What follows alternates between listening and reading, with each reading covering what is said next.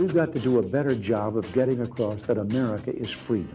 Freedom is special and rare. It's the idea held by generations of citizens who believe that America is a constant work in progress. We choose to go to the moon in this decade and do the other thing, not because they are easy, but because they are hard. And it's the people who are making America great again. We may be opponents, but we're not enemies.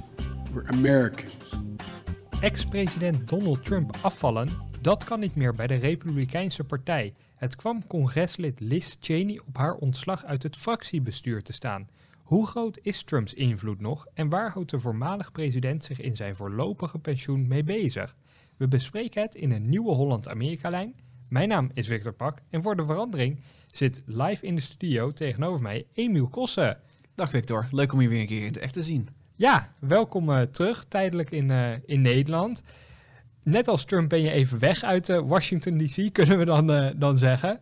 Maar Trump houdt zich nog wel actief bezig met de politiek daar. Net als ik. Ja, net als jij ja. Wat, wat doet Trump nog? Nou ja, hij, houdt er een leefstijl op na die wel past bij een 74-jarige.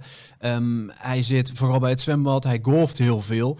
En um, ja, voor zover we weten spendeert hij veel tijd met zijn vrouw Melania. Nou, typisch gedrag dus voor een uh, pensionado eigenlijk. Hij is dus vooral in, uh, in Florida. Houdt hij zich verder nog bezig met de politiek? Ja, er zit wel een, een groepje adviseurs die is met hem meegegaan vanuit het Witte Huis naar Florida.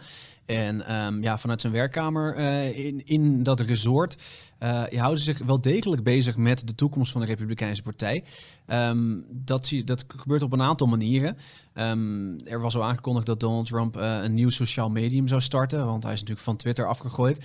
Nou ja, een sociaal medium zou ik niet echt noemen, maar hij heeft wel zijn eigen website gestart. Um, en uh, ja, daar, daar zet hij een soort van tweets op, lange tweets, over de, ja, de zaken die, die, die dagen spelen. En hij ontvangt in, in Florida, in Mar-a-Lago, ook vaak republikeinse congresleden en andere politici. Hij lijkt zowel een, een vinger in de pap te hebben. En je noemde ook al die, die eigen website met die, die statements. Lees er eens eens voor voor ons. Dan krijgen we een beetje een, een gevoel erbij wat daar staat. Ja, het, het, klinkt heel erg als een tweet, maar dan uh, stukken, stukken langer. Want er, is natuurlijk geen, er zijn geen ja, karakterlimieten wat dat betreft. Maar ik zal eens een stukje voorlezen van wat Donald Trump op 15 mei jongstleden publiceerde. The polls were a joke. I won states in a landslide that I predicted to lose before the election. Other states had me purposely so far down it would force people, even fans, to say, let's stay home, darling. We love our president, but he can't win. And then I would win those states. Dus hij, hij bekritiseert hierbij de peilingen afgelopen november. Die ervoor gezorgd zouden hebben dat ze fans, en supporters thuis zouden blijven. Ja, er is eigenlijk niks veranderd. Hè. In al die maanden tijd um, blijft Trump dus nog steeds klagen over de verkiezingsuitslag. Um, en uh, verderop in, het, uh, in dit statement zegt hij ook dat uh, ja, de verkiezingen zijn gestolen van hem. En dat, dat mensen als Mike Pence, de vicepresident, hem hadden moeten helpen om, ja, om al die corruptie en al die, al die leugens tegen te gaan. Dat gaat wel iets verder dan klagen dus. Hij zit nog steeds, hij volhardt nog steeds in de, in de bewering dat de verkiezing gestolen is. Het lijkt alleen maar erger te worden, want hij zit dus in die bubbel in Florida uh, boos te zijn. Um, hij kan het niet kwijt op Twitter of op Facebook uh, en dus uh, doet hij maar via deze statements. Um, de precieze impact daarvan is natuurlijk moeilijk te, ja, te beoordelen voor ons, want kijk, in, in Nederland krijgt niemand dit mee. In het Amerikaanse nieuws worden deze statements eigenlijk ook min of meer genegeerd. Maar um, ja, zijn vaste aanhangers, daarvan kan ik me voorstellen dat die wel de hele tijd op zijn website zitten. Uh, dat is gewoon donaldjtrump.com slash desk. Um, voor de geïnteresseerden. Uh, ja, maar ja, het is dus een beetje, het is moeilijk inschatten hoe, hoeveel mensen dit echt lezen en, en, ja, en, en gebruiken in hun dagelijks leven. Het is moeilijk in te schatten hoe groot dat bereik is. Maar zijn invloed van Trump, daar kunnen we wel iets van zeggen. En dan wijs ik maar even op, op de gebeurtenis rondom Liz Cheney. Dat gebeurde afgelopen weken allemaal in Washington DC. Hoe zit dat verhaal precies in elkaar? Zij is uiteindelijk ontslagen, soort van uit het fractiebestuur van de Republikeinen in het Huis van Afgevaardigden. Waarom en hoe ging dat? Nou, eerst maar even, wie is Liz Cheney? Ehm, de, de, dochter van die bekende Cheney, vicepresident uh, onder uh, George W. Bush. Um, Liz, Cheney, Liz Cheney is een congreslid uit Wyoming, is zeer conservatief. En um, ja, als we het uh, vijf jaar geleden over hadden gehad, dan, dan hadden we gezegd: dit is een, een republikeinse darling. Um, gehaat door links, omarmd door, door conservatieve Amerikanen. Ja, dat is nu dus helemaal omgedraaid. En er is maar één reden voor. het is niet dat zij minder conservatief is geworden. Maar um, ja, ze heeft zich geuit tegen Donald Trump. na de, de verkiezingsuitslag zei Liz Cheney: deze uitslag klopt. Um, Donald Trump heeft verloren. En na de, de, de Capitol riots, na de, um, ja, de, de, de opstand daar rond het Capitool in Washington, zei Liz Cheney, wij moeten als partij van Donald Trump af. Dit is gevaarlijk. Als we Donald Trump als onofficiële leider aanhouden, dan komt er nog meer geweld. Dat was in januari ook niet zo'n heel schokkend statement om uit te brengen. Ook niet voor een republikein. Laten we even luisteren naar wat uh, bijvoorbeeld Kevin McCarthy, de leider van de Republikeinen in het Huis van Afgevaardigden, ook in januari zei. The president bears responsibility for Wednesday's attack on Congress by mob rioters. He should have immediately denounced the mob when he saw what was unfolding. McCarthy zegt hier dat de president verantwoordelijk is voor de bestorming van het Capitool op 6 januari dit jaar. Zou hij nu zo'n statement opnieuw uitbrengen? Nee, zeker niet. Uh, we zijn een paar maanden verder en um, wat we hebben gezien bij de Republikeinse Partij is dat bijna alle Republikeinen um, proberen die 6 januari een beetje te vergeten of um, uh, minder erg te maken dan het, uh, dan het was. McCarthy is daar een, een, groot voorbeeld van. Die heeft het liever helemaal niet over. Die doet alsof de verkiezingen, ja, alsof die uitslag er helemaal niet bestaat. Hij zegt niet dat het gestolen was. Hij zegt niet dat het niet gestolen was. Hij probeert er gewoon overheen te stappen alsof de verkiezingen nooit echt geweest zijn, maar dat Joe Biden nu wel president is, wat toch een vrij grote verandering is. Zijn er ook republikeinen die nog helemaal aan Trumps zijde staan, ook met het verhaal dat de verkiezingen gestolen zijn? Nou ja, er is niemand in het congres die zo openlijk um, uh, ja, die aantijgingen doet zoals Trump uh, die, uh, die, die doet. Maar er wordt wel geïnsinueerd dat er van alles aan de hand was rond de verkiezingen. dat er misschien nieuwe regels nodig zijn om verkiezingen eerlijker laten te, te laten verlopen. Um, en ja, wat ik zei, rond, rond die 6 januari, daar wordt wel um, ja, er wordt een beetje zand in de ogen gestrooid van de Amerikanen. Er wordt door sommige Republikeinse congresleden gedaan alsof er ja, alleen maar toeristen daar binnen waren. Uh, die een soort van per ongeluk het kapitool zijn ingebroken. Nou ja, daarvan weten we dat dat niet helemaal klopt. Um, dus dat zien we wel. Ze verhullen de waarheid als het ware in nevelen in die zin. Zo lijkt het eigenlijk uh, qua nevelen alsof er een soort van uh, geest van Trump door Washington DC waart. Republikeinen durven zich niet tegen de president uit te spreken. Is Cheney dan de enige die, die tegen de ex-president ingaat? Er is een handje vol. Um, er is een congreslid, Adam Kinzinger, die heeft uh, eigenlijk een beetje hetzelfde proces door, uh, doorstaan als Liz Cheney nu.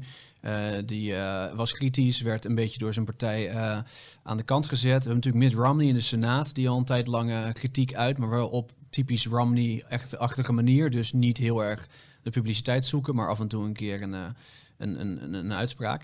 Um, en er zijn een hoop Republikeinen die door de jaren heen um, kritisch waren en inmiddels met pensioen zijn gegaan. Dus um, ja, je, kan wel stellen dat die partij, uh, uh, de anti-Trump-wing, uh, anti-Trump-zijde, die kalft wel duidelijk af. Ja, want als je met pensioen gaat, dan tel je niet echt meer mee. Dus wat dat betreft lijkt me dat geen heel positief signaal, omdat er uiteindelijk wel een, een waarheid is, lijkt mij. Wat is nou de logica van die Republikeinen om zo vaag te doen over 6 januari en over de verkiezingen? Het lijkt dus op dat kritiek op Trump uh, niet is toegestaan. Niemand wil Trump um, uh, ja, uh, op welke manier dan ook afvallen. Um, er is een politieke logica die de Republikeinen volgen, die Kevin McCarthy volgt. Um, zij kijken vooral naar 2022, naar de midterms, de tussentijdse verkiezingen. Uh, Republikeinen die, ja, die denken dat ze de beste kans hebben als um, de Trump-stemmers uh, uit 2020 en 2016, als die wel komen opdagen in 2022. Um, een beetje context over dat soort verkiezingen, tussentijdsverkiezingen. Daar komen vaker Republikeinen opdagen, uh, gemiddeld gezien. En ja, zij denken dus dat ze een goede kans maken, zolang ze Trump-kiezers maar niet te veel afschrikken. Ja, het is natuurlijk de vraag of dat klopt. Hè? er zijn ook heel veel peilingen te, te vinden Uh, die laten zien dat uh, ja, vrij weinig Amerikanen, een derde ongeveer, uh, Trump nog kunnen waarderen, een positief rapportcijfer geven. Dat is veel minder dan tijdens het presidentschap.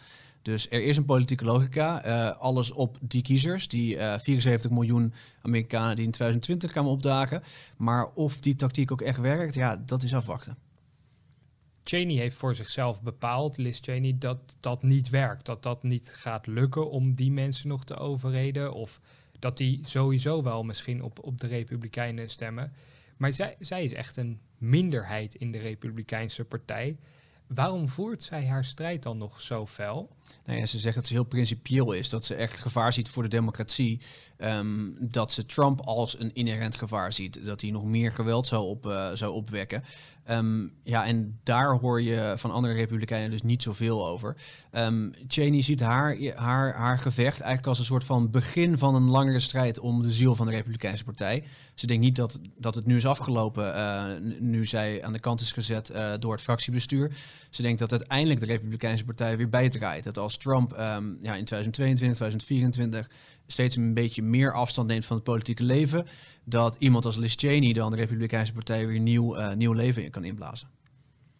Dus zij maakt een gok voor de lange termijn dat zij zich misschien ook wel als presidentskandidaat uiteindelijk kan ontvouwen, omdat zij nu kan beweren dat ze altijd het gelijk aan haar zijde heeft en daar altijd voor is blijven staan. En niet als een soort, ja, toch wel een gladjakker zoals McCarthy, uh, een beetje als een windvaan uh, op en neer gaat. Ja, het is ook minder opportunistisch eigenlijk. Uh, McCarthy die kijkt echt naar de volgende verkiezingen en die, ja, die denkt simpelweg dat hij meer kans heeft als Trumps kiezers meekomen. Um, ja, en Liz Cheney die heeft, die, ja, die kan nu even de principiële uh, politicus uithangen en dan over een paar jaar kijken waar de partij precies staat. En is dat nou een realistische verwachting van Cheney? Want ik persoonlijk ben bijvoorbeeld wel sceptisch of zij die Republikeinse partij mee kan krijgen in dat verhaal. Ik bedoel, als nu nog eh, een meerderheid van de fractie van de Republikeinen in het Huis van Afgevaardigden, die wilde haar lozen omdat ze kritisch was op de president. Als je partijgenoten die op belangrijke functies zijn, die congreslid zijn, al zo denken omdat jij alleen maar kritiek uit op Trump, wat gaat dan de kiezer doen? Ja, ik denk dat de meeste Amerikanen deze hele discussie uh, amper meekrijgen eigenlijk. Um, uh, ja, een, een congreslid uit Wyoming, uh, wie, wie, wie, wie let erop? Nummertje, Wel dochter van een vicepresident. Nummertje drie in de partij. Niemand weet precies wat een nummertje drie in de partij doet. Maar um, ja, voor ons is het interessant, want als je dus uitzoomt, zie je inderdaad hoe die partij aan het veranderen is. En hoe Trumpistisch het eigenlijk is gebleven. Uh, wat niet iedereen had verwacht nadat Trump had verloren. Um, ja, en daarvan gaan we de komende jaren de gevolgen zien. Um, interessant om, om te vermelden is uh, wat er ook gebeurt in Mar-a-Lago. Trump die nodigt, uh, uh, in het geval van spannende races, nodigt die republikeinen uit om op bedevaart te komen naar Mar-a-Lago. Um, een van de, van de races gaat om een, een zetel in Ohio.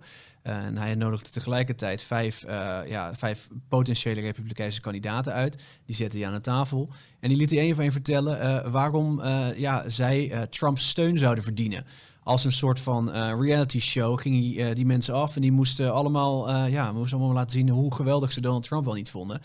ja, zo'n scène laat wel zien welke invloed Trump dus nog heeft. de komende jaren gaat hij kiezen welke kandidaten wat hem betreft de nominatie moeten krijgen. En op die manier ja, wordt zijn invloed misschien alleen maar groter. En doet Trump dat uiteindelijk omdat hij in 2024 een nieuwe poging wil wagen of weten we dat niet? Dat weten we niet zeker. Um, bij Donald Trump draait het altijd om Donald Trump. Uh, ik denk niet dat hij echt een uh, onofficiële leider van de partij wil zijn. Daar heeft hij uh, waarschijnlijk niet zo heel veel interesse in. Um, het zou wel handig zijn als je dus in 2022 als Trump zijnde um, wat mensen naar voren schuift, die winnen misschien. En stel dat je dan in 2024 weer terugkomt, is het natuurlijk handig dat je vrienden hebt gemaakt alvast op, op, in de Senaat en in het congres. Um, maar of die ook echt in 2024 gaat meedoen, ja, dat is voor, voor iedereen gissen. Dat klinkt toch als een onofficieel leiderschap. Nou noemde je eerder al uh, senator Mitt Romney, die wel kritisch blijft op Trump. En de Republikeinen in de Senaat in het algemeen lijken wat kritischer te zijn op de lijn Trump, wat meer een onafhankelijke eigen koers te varen. Hoe komt het dat er zo'n verschil zit tussen Republikeinse congresleden in het Huis van Afgevaardigden en die, en die senatoren die onafhankelijker denken?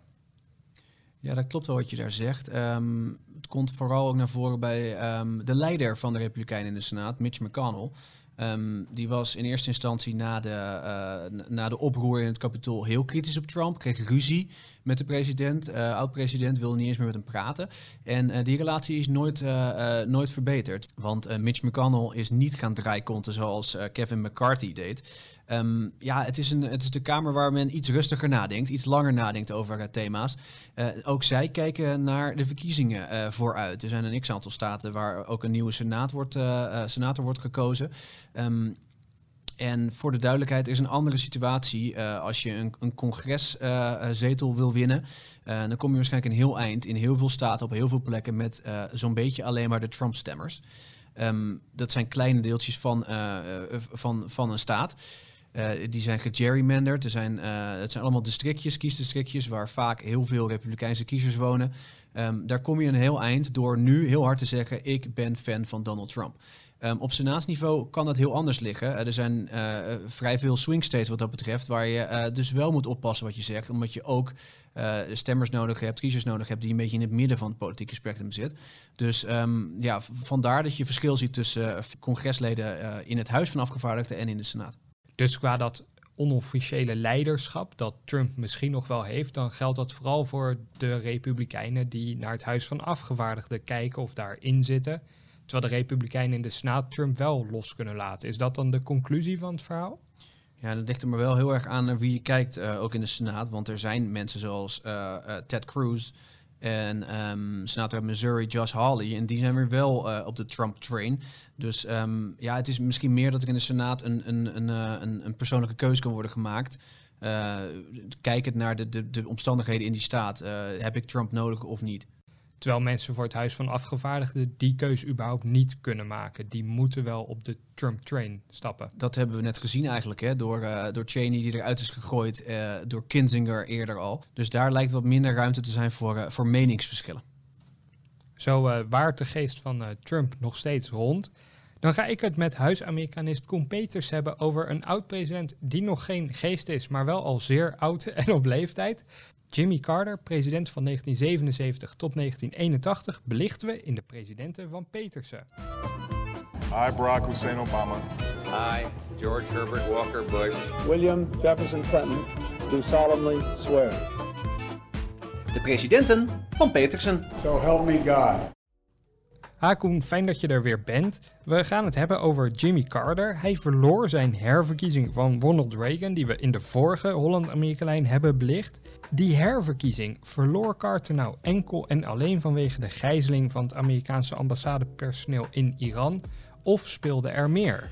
Jimmy Carter werd in 1976 als een soort bevrijder gezien. Na de Watergate-affaire en de verloren oorlog in Vietnam zou Carter integriteit en eerlijkheid in het Witte Huis herstellen en eigenlijk een pagina omslaan in Washington. De Amerikanen hadden daar enorme behoefte aan. Maar het zorgde eigenlijk ook wel voor een wat fragiele basis waarop zijn presidentschap eigenlijk uiteindelijk niet heeft weten te gedijen. Op de eerste plaats werd hij dus gekozen meer op basis van emotie dan op basis van andere factoren. Het was een nette man. Hij was eerlijk, een groot contrast na het schandaal met Richard Nixon, de voorganger van hem, die moest uh, aftreden.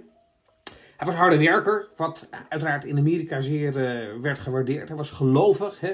heel actief was hij ook uh, bij zijn kerk betrokken. Amerikanen vonden dat prachtig. Hij kwam van het niet pretentieuze platteland van een zuidelijke, eenvoudige staat. Dus hij belichaamde eigenlijk helemaal de nieuwe tijd in het Witte Huis. Maar eigenlijk was er verder van hem niet zo verschrikkelijk veel bekend. In de campagne werd ook gezegd Jimmy Carter. Jimmy hoe? Hè, wie, wie is die man? Dat was eigenlijk ook een soort geuzennaam uh, uiteindelijk geworden om als outsider naar Washington te trekken. Maar het kon ook betekenen dat er te weinig van hem bekend was om ook goede verwachtingen uh, van hem te hebben. Wat hij in het Witte Huis zou doen.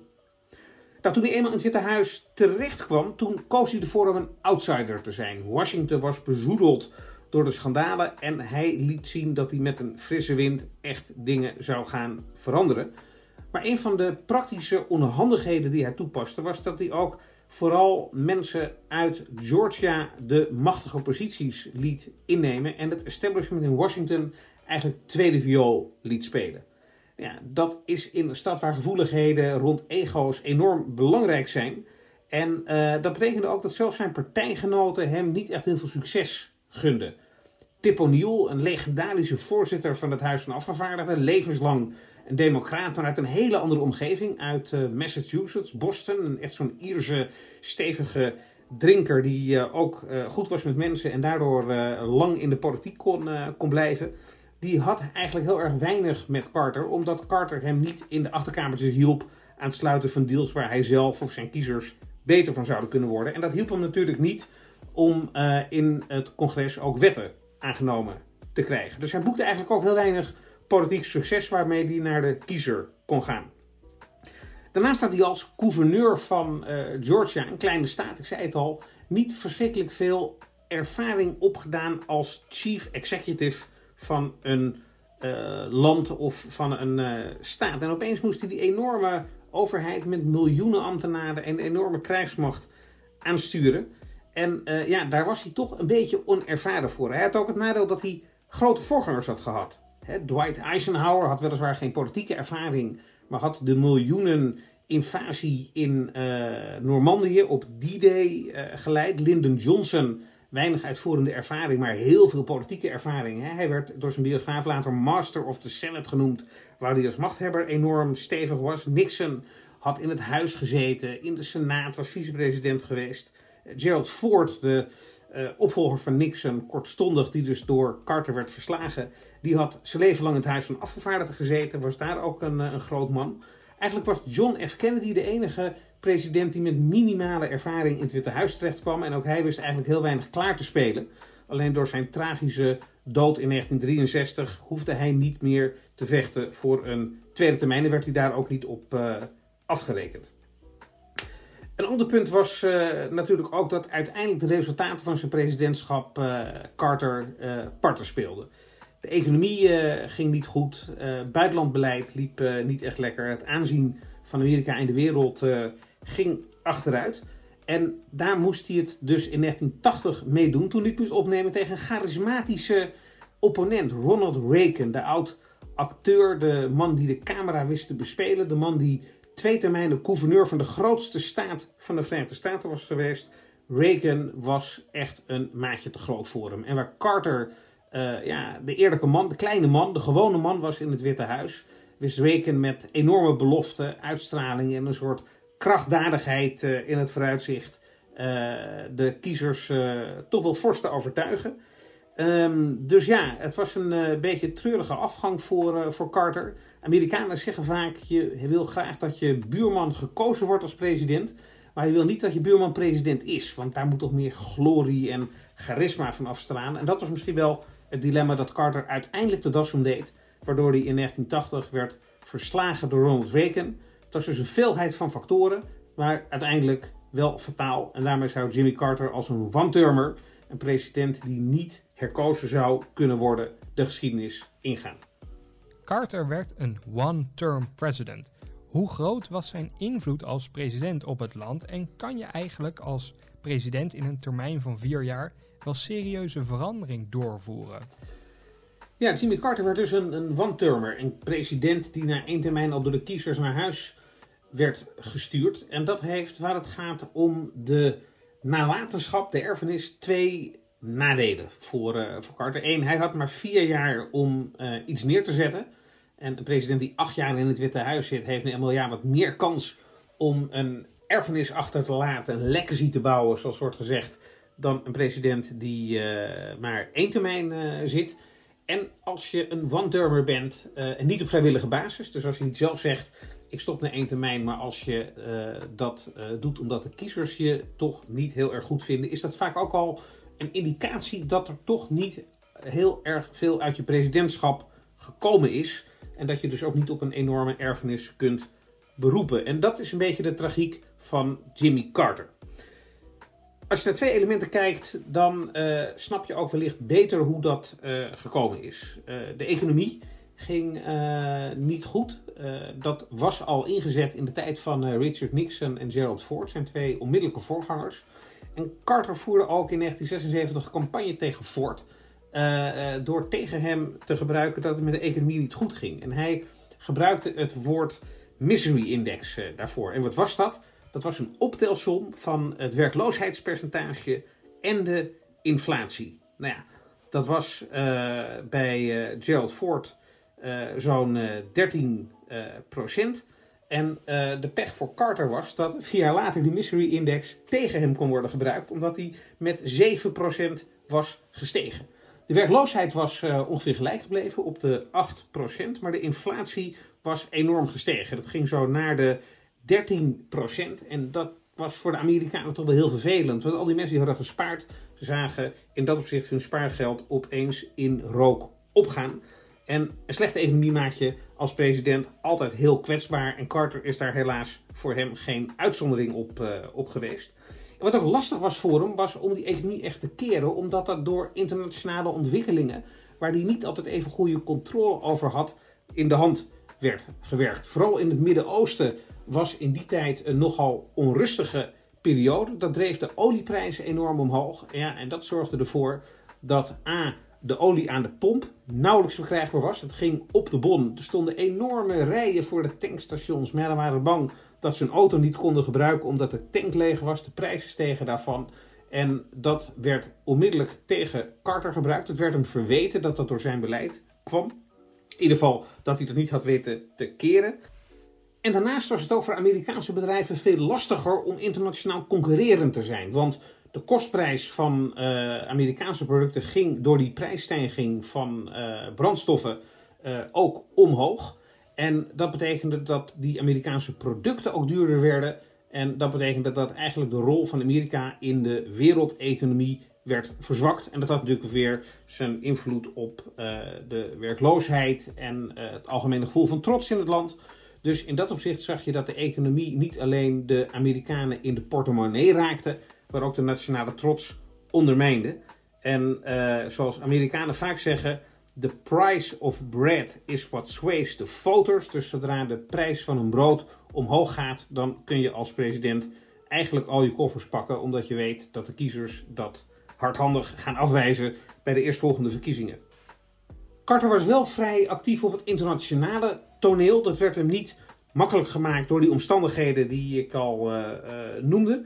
Uh, daarnaast was Amerika ook net eigenlijk verslagen in Vietnam en was het zelfvertrouwen van Amerika op het internationale toneel niet heel erg groot. De Sovjet-Unie, de grote vijand tijdens de Koude Oorlog, manifesteerde zich ook op een agressieve manier.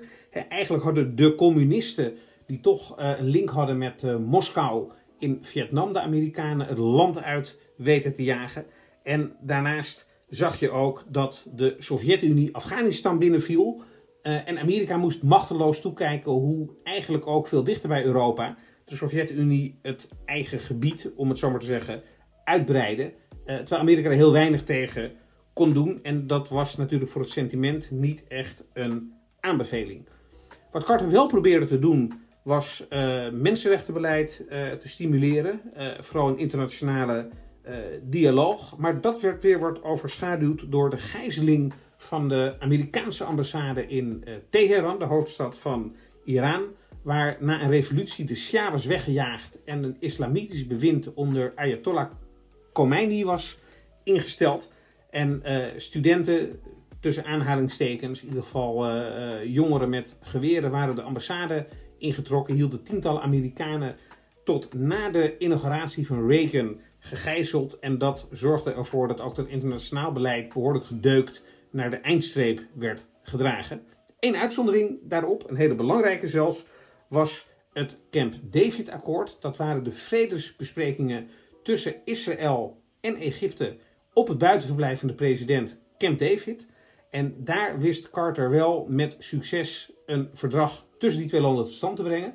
Het unieke daarvan was dat Egypte het eerste Arabische land was dat Israël diplomatiek erkende.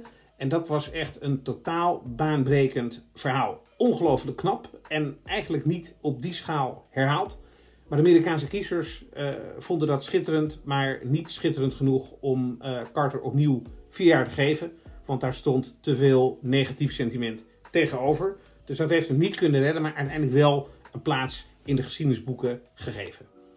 Joe Biden ging onlangs nog op bezoek bij Jimmy Carter. Hij is immers de oudste nog levende ex-president.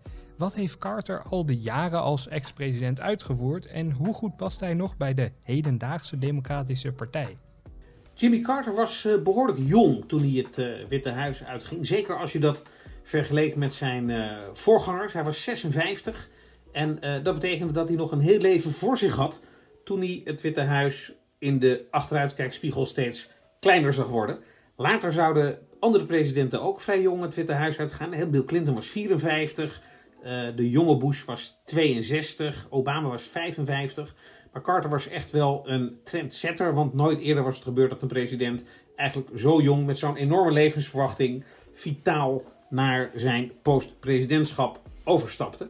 En Carter heeft eigenlijk nadat hij zijn uh, had verwerkt, wat best wel een uh, klap was, wat goed te begrijpen is, toch wel een behoorlijke track record opgebouwd voor hoe oud-presidenten op een zinvolle manier hun tijd kunnen indelen. En daar heeft hij eigenlijk ook wel een standaard mee gezet. En veel mensen zeggen ook, ja, die Carter is toch wel de beste oud-president die we ooit hebben gehad. En ook zijn opvolgers als oud-president, uh, waaronder de mannen die ik net uh, noemde, worden toch altijd een beetje afgemeten aan uh, de lijn die Carter heeft gekozen. Wat heeft hij gedaan?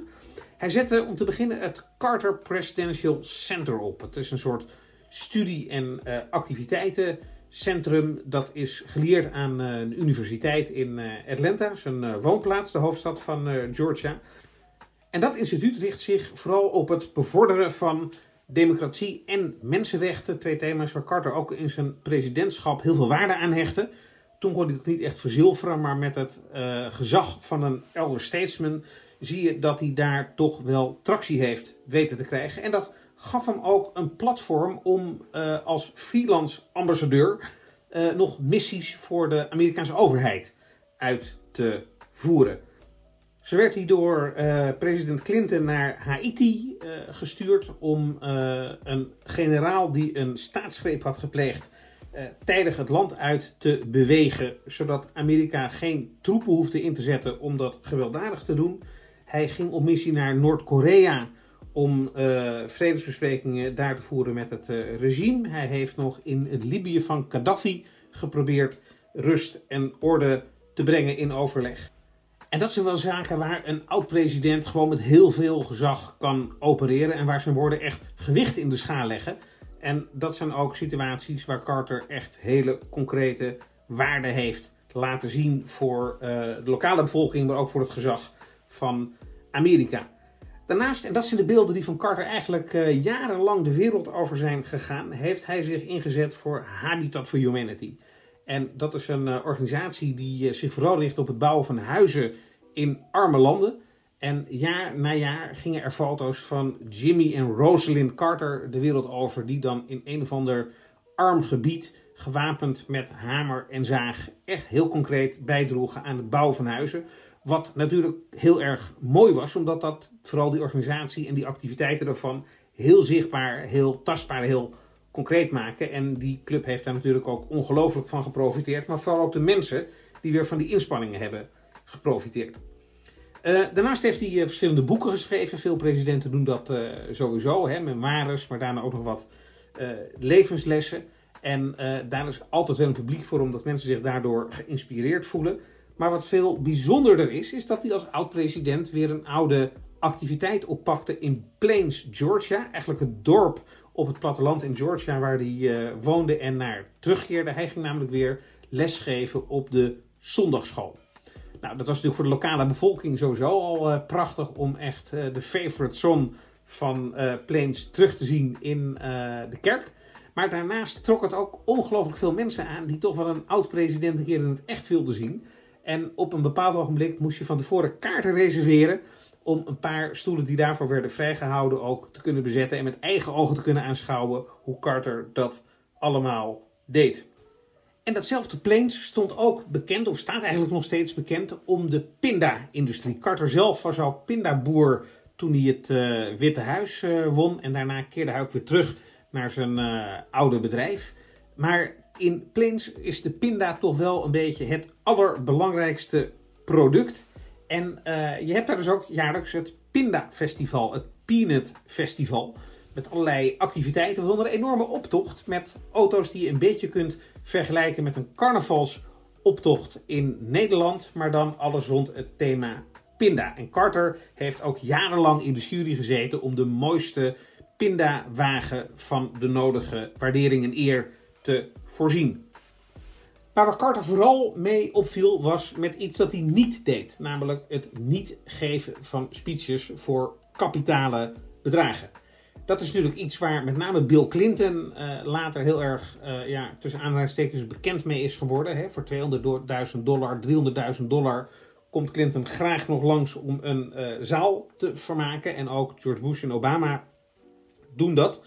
Maar Carter weigerde dat te doen. Terwijl zijn voorganger Gerald Ford daar eigenlijk een beetje mee was begonnen. Uh, die ging speeches geven voor weliswaar een wat lager bedrag dan wat nu de norm is, maar toch wel een fors bedrag voor de meeste mensen. Uh, daarnaast werd hij ook uh, commissaris bij verschillende bedrijven, niet vanwege zijn kennis, een beetje vanwege zijn netwerk, maar vooral omdat bedrijven het schitterend vonden om tegen betaling een oud-president een uur lang pijprokend in een vergaderzaal te kunnen aanschouwen. Maar Carter had daar totaal geen zin in. Carter is in dat opzicht heel eenvoudig gebleven en, zijn, zijn wortels trouw uh, gebleven. Hij verhuisde dus weer terug naar Plains, Georgia. Ging weer in het oude huis wonen bij de pindaboerderij. Uh, wat een eenvoudig uh, huis was waar veel mensen toch wel van opkijken dat een oud-president daar woont. Hij mengde zich niet in het jetset leven van New York of Los Angeles of San Francisco of de andere grote metropolitan areas. Uh, hij pakte de activiteiten op waar we net al kort uh, over hebben gesproken. En wat ook heel mooi is, Carter uh, tegen de 100 wandelt nog elke zondagavond met zijn vrouw Roslyn een paar honderd meter naar vrienden die hij al tientallen jaren kent, verderop in de straat in, in het dorp. Eet daar dan bij die mensen thuis van plastic borden, drinkt wijn uit plastic bekers en wandelt dan samen met zijn vrouw weer, weer terug. Uh, helemaal weer op zijn gemak in die gemeenschap waar hij uh, ook ooit uh, vandaan is gekomen.